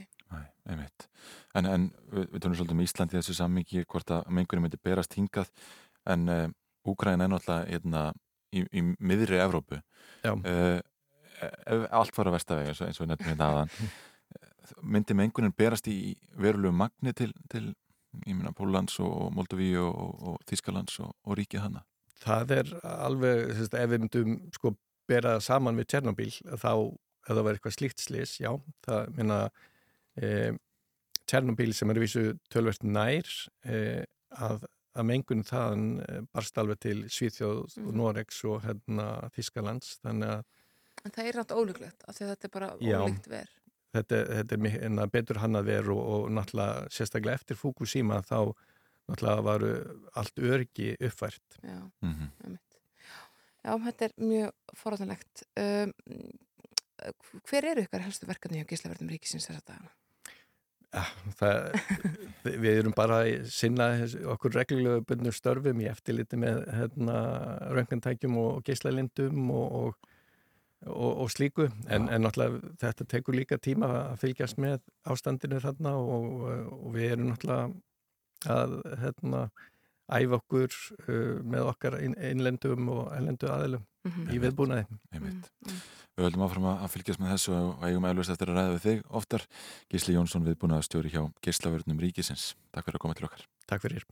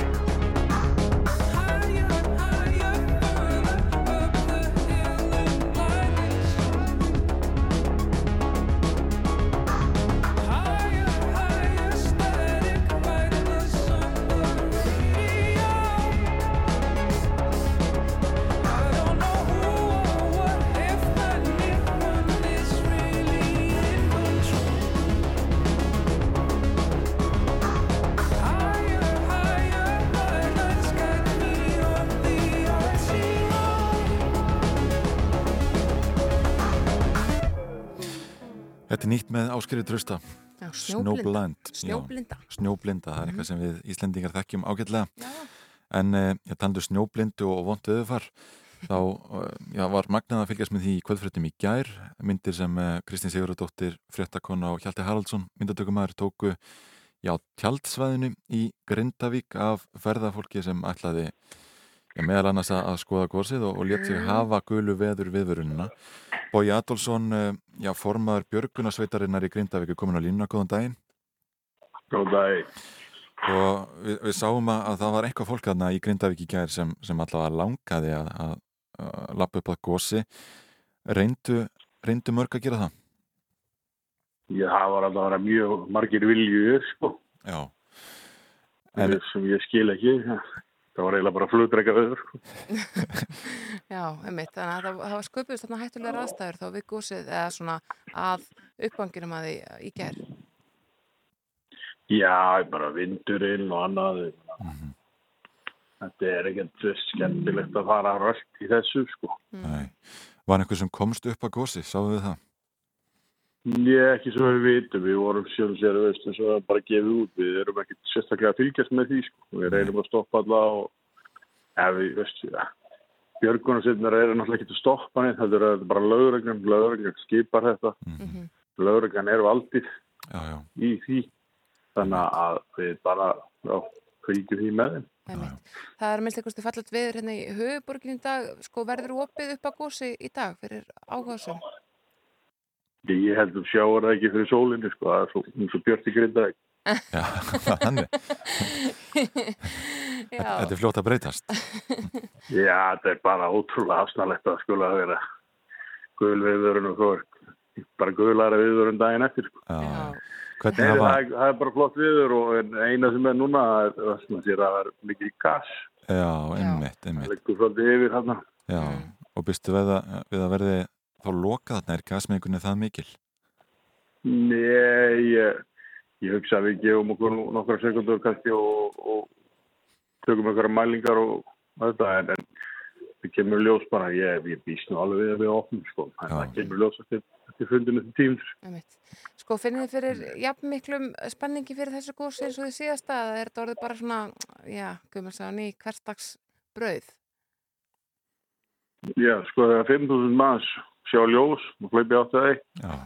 á dag, að ég held að sé bara svipa. Já, Já, já. bara svipað. Hver, hvernig hafa ykkar verkefni verið núna síðustu sólurringa? Var mikið að gera í gær til að mynda? Nei, nei, þetta kallum við róluðu dagana. Já, Við erum með nokkra hópa í, í, og lögreglunni í þessu lokunum og svo bara bara að slaka á sko. Það sem við höfum verið að lenda líki það hefur breyst svolítið minnstrið í slísum frá síðasta gósi þá er að fólk er að detta á sem sagt, hendurnar setja það fyrir sig já, og andlitið og svo er öklarnir og þetta líka fara sko. En þetta virðist vera svona í sikksakkin eins og við kallum það á bakalið þess að fólk er bara lappin þar að bróta þræðir og þetta þryktir í löpunum og er að síður að missa þær. Já. Þannig að ég mæli með að fólk taki sér aðeins skilur og spöggjar í þessu og þessu segja alltaf. Þú þarft orkuna til að geta klárað þetta og þú þarft orkuna til að geta farið fram og tilbaka og þú þarft. Já. Það er bara koma sér fram og tilbaka búntur, held ég. Já, nákvæmlega. Taka pásur á réttum stöðum. Þetta eru Já. ágættis skilabóð. Já, þú nefndi það hérna áðan að þú verður að fara á fund núna eftir einhverja sjö mínútur. Sko, hvað nákvæmlega fer fram á, á þessum fundum ykkar? Þetta er bara svona stöðufundur á mótnuna sem við erum bara yfirfara stöðuna, hvað þarf að lagfara, hvernig göngulegin, hvernig gengum með þetta, skilur. Þetta er bara svona, því allir að vinna á sömu bylgjumöndinni bara. Já, einmitt. Og það er þetta ekki nákvæmlega hvort opið verður í dag? Já. Einmitt. Bói Adolfsson í, í Grindavík, takk fyrir að vera á línu hjá okkur í morgunútarpinu. Já, dag Velkomin, strík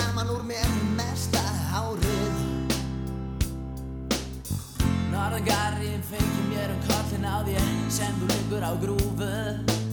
Andar að þér flóru landsins. Frelsið er indislegt, ég gerir það sem ég vil. Skildri maður verða leiður á því til lengdar að vera til. Frelsið er indislegt, ég gerir það sem ég vil Skildi maður verða leiður á því til lengdar að vera til? Minn er fullt af mold sem lyktar annars ágætlega. Getur fólk átt erfitt með að tala? Samt segir þú mig sannlega frá öllu sem þér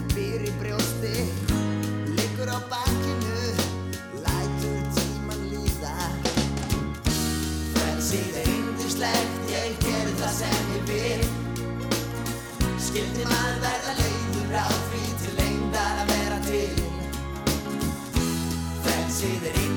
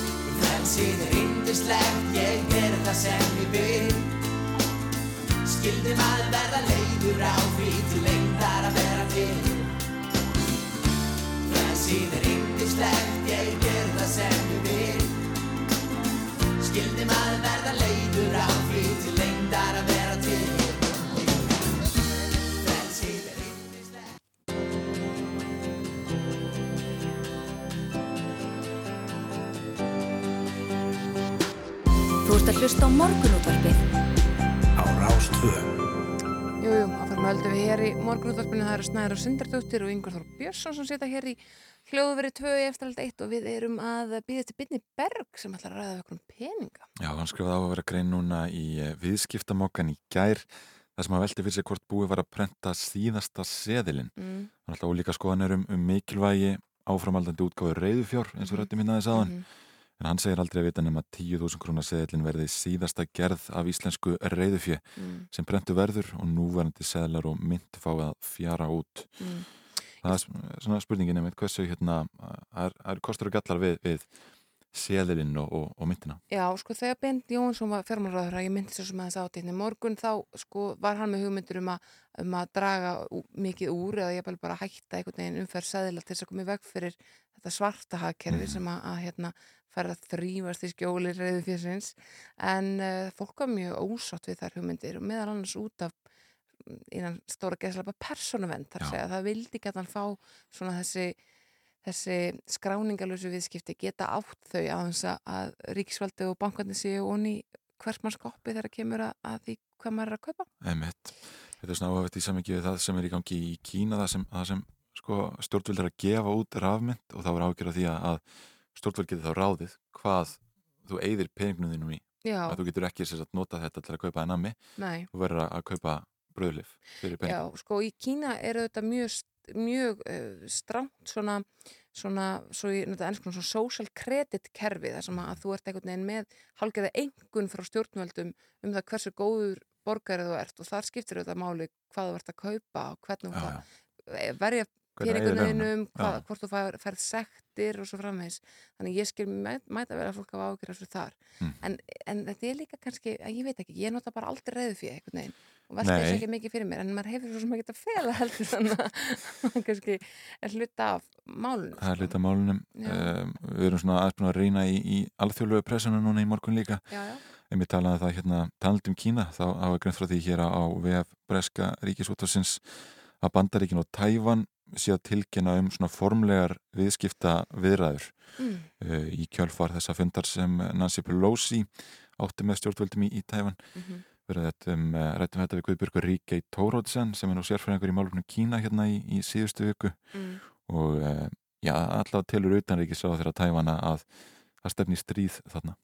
Já, er það? Já, á næstu missurum. Já, einmitt. Fullir það en við vonum að, að svo fer ekki náttúrulega. Nei, einmitt. Þetta er einhvern veginn, að það er pílinn sérstök staða uppi í, í heimismálunum og sérst alveg svo er. Uh, en Kína tók ekki jafn harða afstöðu með rússum í Úkrændelin eins og búist að við kannski svona fyrstu metrunum en það hafaði bara ríka, sko, gríðarlega ríka viðskipta hagsmunni af því að standa svona fyrir utan þetta Evrópustríð að einhverju liti uh, og, og já, vera ekki já, hallast ekki ofa sveif með, með rússum sko, með Einmitt. þessu hernum Já, já. Þetta er mjög flókin staða Þetta er lókist að við fyrum að, að e, bjóða Björn Berg velkomin hérna, myndast örstuðt á það hérna áðana að já, klingið er náttúrulega föðra upp í, í verðbólgunni en þetta eru 900 miljónir króna í umferð sem er í formi 1,5 eða 10 krónu mynda. Mm. Mér finnst svo fallegt, börnum finnst klink merkilegar heldur en seðlar Já, sko. Seðlir er lítið annað en bara pappi með mynd Einmitt. en klinki er gullitað og það er smá vikt í því og þannig að það er miklu meira spennend að fá 100 kall heldur en nokkuð tíma 500 krónur. Já, já, einmitt. Það er allavega hérna að vera áhört að ræða þessi mál við Björn Berg, hann er, er frábæri viðmaldi og kom inn að síðast til okkur til að ræða svona sport washing, eða hann allavega rætti það á einum tímpúti við okkur. Já, hvítþóttin í, í tengslu við heimsmeistarnamóti í knatsbjörni sem að fyrir fram í Katar í nóvumber Já. það stýtst nú í það Það stýtti sér það og, og ég held að vera notælt að fá það svona inn í veturinn.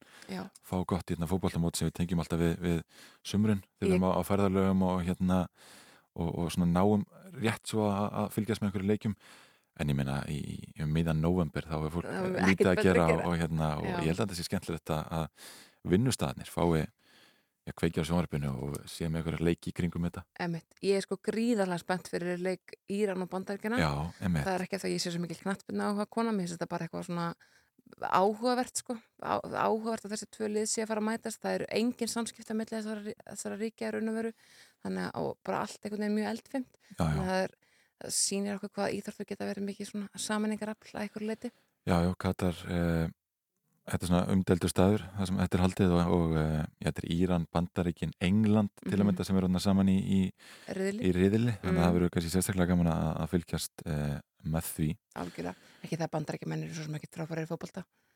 Nei, nei, ekki þannig, hvernig landsliðið alltaf er verið- frábært í akkurat. þetta landsliðið ekkert svo. Nei, en ég meina, maður veit ekki, maður veit ekki, maður veit ekki. Maður veit ekki hvernig það fer. Þetta er allt gert. Þetta er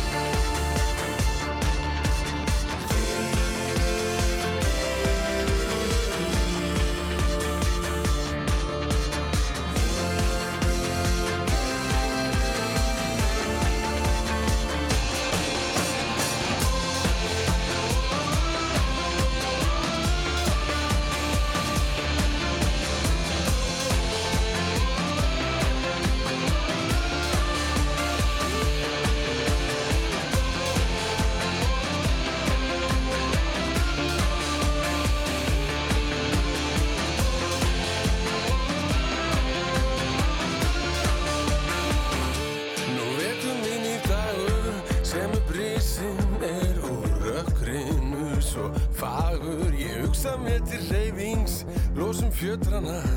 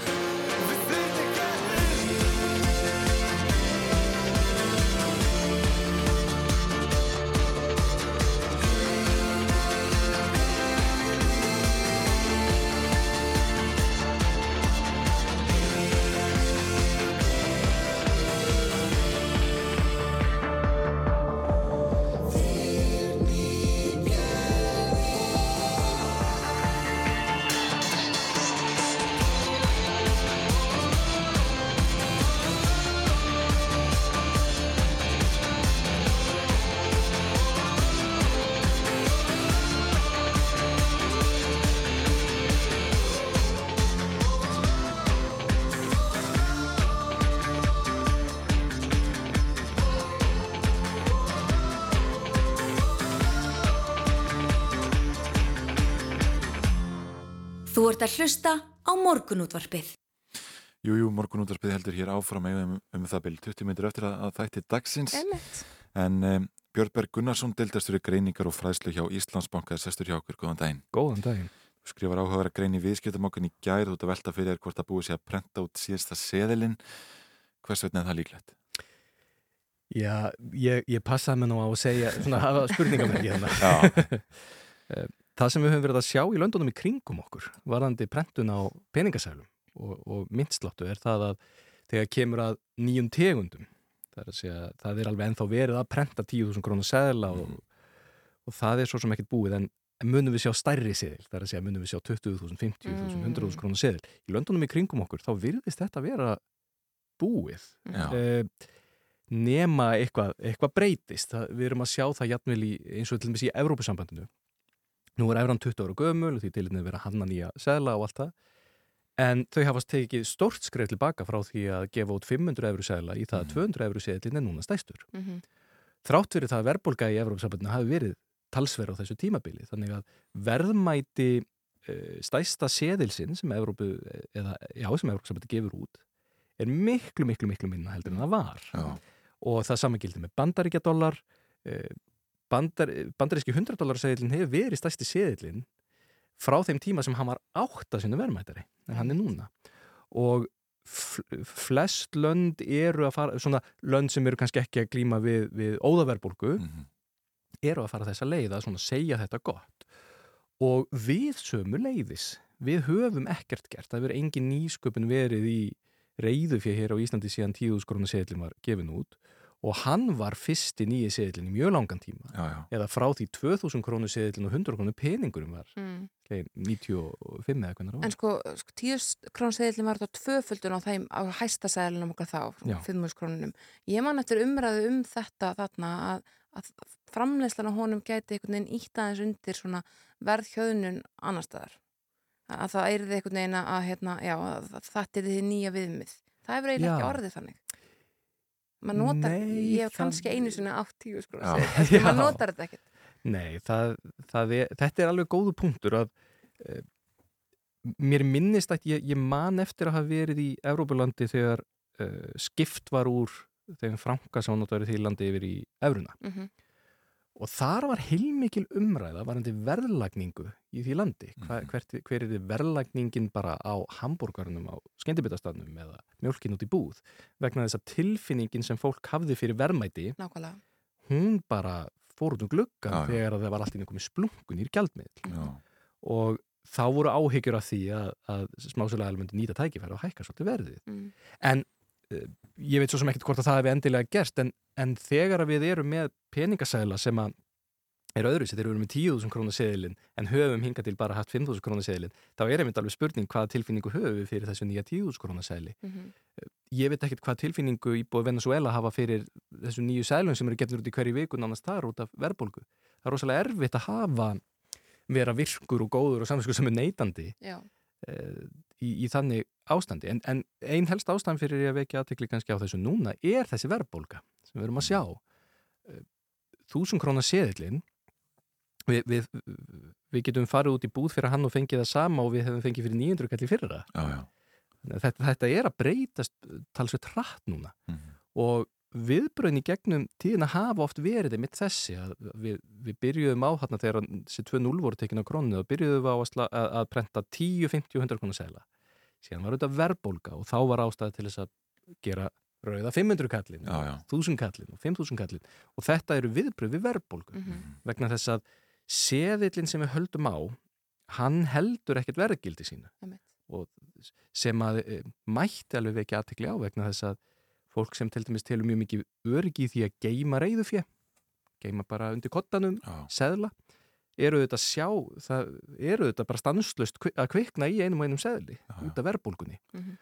og þegar að verðbólgan er mjög lítil e, þá skiptir þetta kannski ekki öllu máli yfir skamman tíma en þegar hún er mikil eins og núna þá virkilega finnum við fyrir þessu. Og í gamla dag þá hefði auðvitað seðabanki farið að þá svolítið að spá Mm. eigum við að heyri Kristínu Þorkistóttur um að fara að hanna enn eitt seðilinn sko og eigum við að eigum við að fara í 20.000 krona eða 50.000 krona seðla Þannig að alls konar fólk sem að myndi sóma sem mjög vel með andlita á sér á íslenskum sæðli, sko. Það held ég.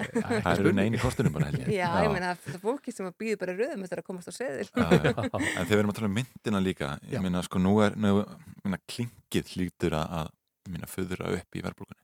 Já, með bara nákvæmlega sem að hraða og þegar, þegar hundrakallin var, var uh, slegin á sínum tíma þá getum við fengið svipa fyrir hann og, og kostar okkur yfir 300 krónur í dag.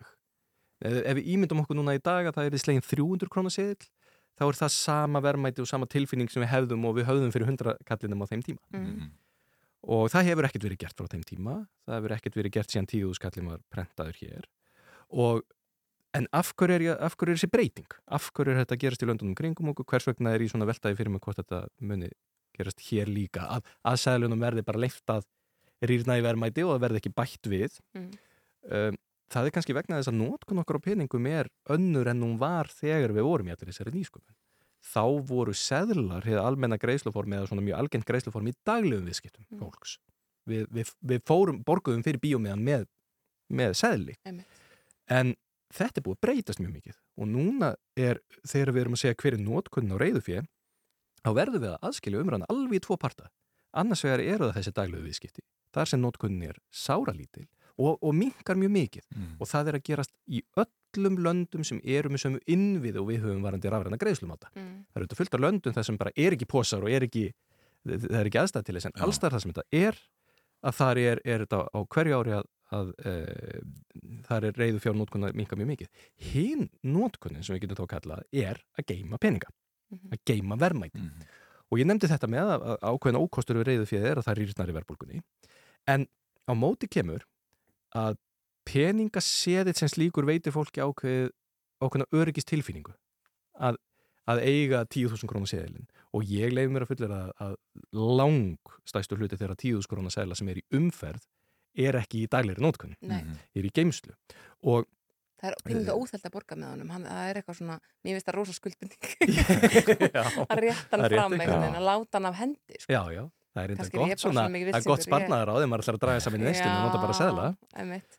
En- en, sko, já. af því því við höfum að tala um þetta, svona tilfinningu uh, ég held að ég geti talað alveg fyrir hönd margra fóraldra sem að hafa ágjörð því að börnin þeirra sko fái ekki svona tilfinningu fyrir gildi peninga ef þau eru ekki að nota reyðufjö Já. Að sko ef barnið fær bara greiðslukort 11-12 ára gamalt þá fær það, það hefur það aldrei enn yfirsinni í fjármálin Já. er það rétt? Já, ég er alveg saman að því Þú ert alveg já, samanlega já, já, já. Það er einn það er einn ókostunni við þessa þróun Já. Mhm. það er alveg klart, þetta er alls ekki svart og hvít Nei. það sem er þægilegt er að það er uh, einfaldara og, og, og meðfærilega þægilega að nota rafræna greiðslumáta og svona og, og, og þeir eru það jættvel geimd, pinningurinn er geimdur og ber kannski einhverja vexti á meðan og það eru svona kosti við það. Ókostin er meðal annars þetta.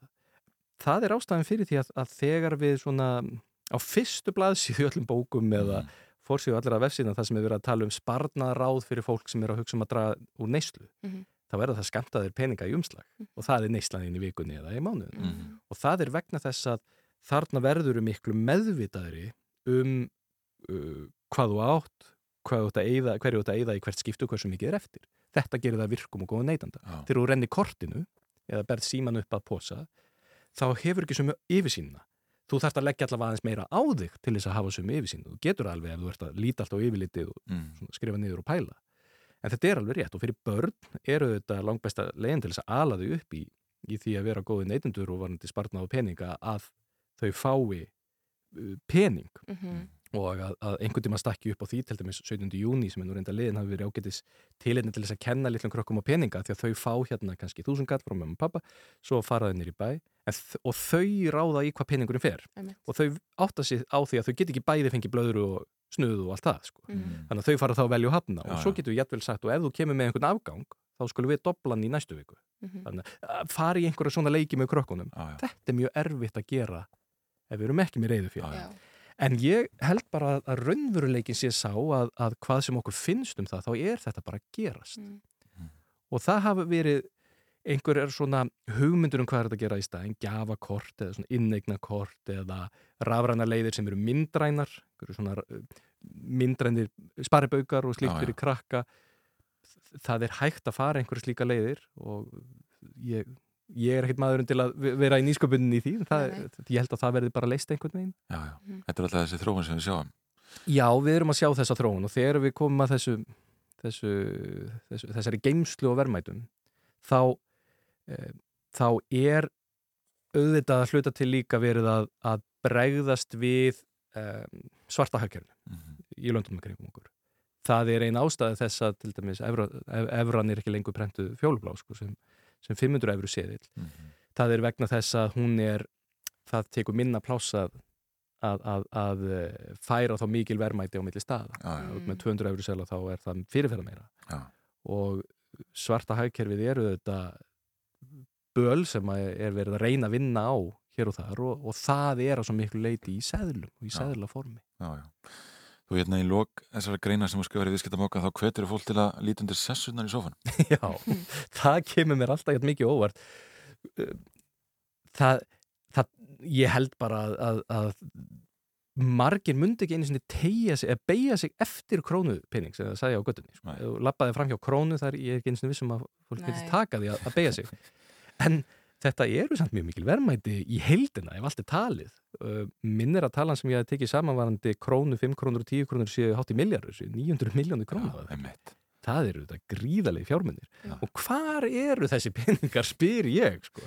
það, það kom nú einhvern veginn í ljós að, að uh, talsvert klink tals, tals, já, talsverða peninga væri að finna í brotajárni í Asíu. Mm íslenskt klink mjög áhugaverð Já, já. og það er vegna þess að hér er verið, hérna er verið að senda þvottavélar og bíla í, í brotajárn Já, já. og þá finnst íslenskt klink Þetta er ekki nú söguna manni sem kom hinga til lands með fullt af klingi. Ég með fullt af bygglum hundraköllum, já, já, nákvæmlega. Já, það var bara búin að dýna þetta saman.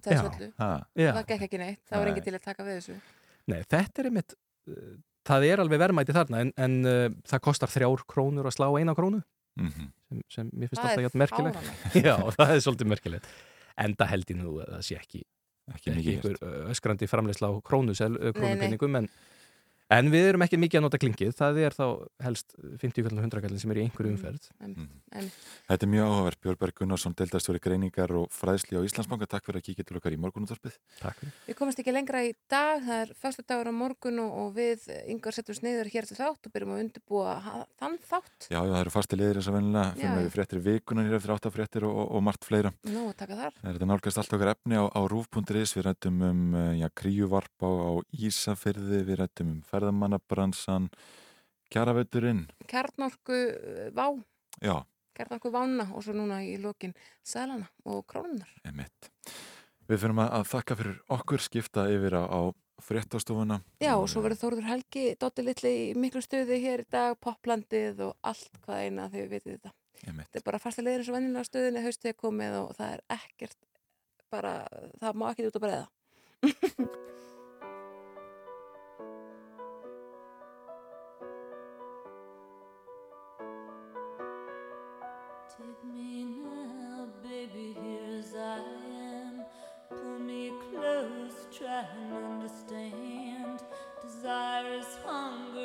the fire I breathe. Love is a banquet on which we feed.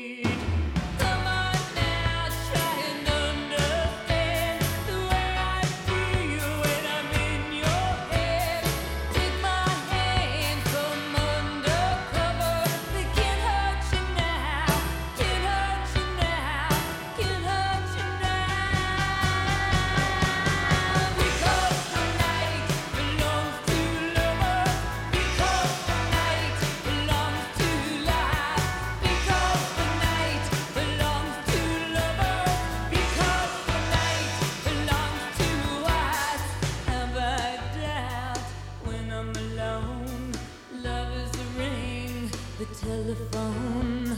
Love is an angel disguised as lust. Here in our bed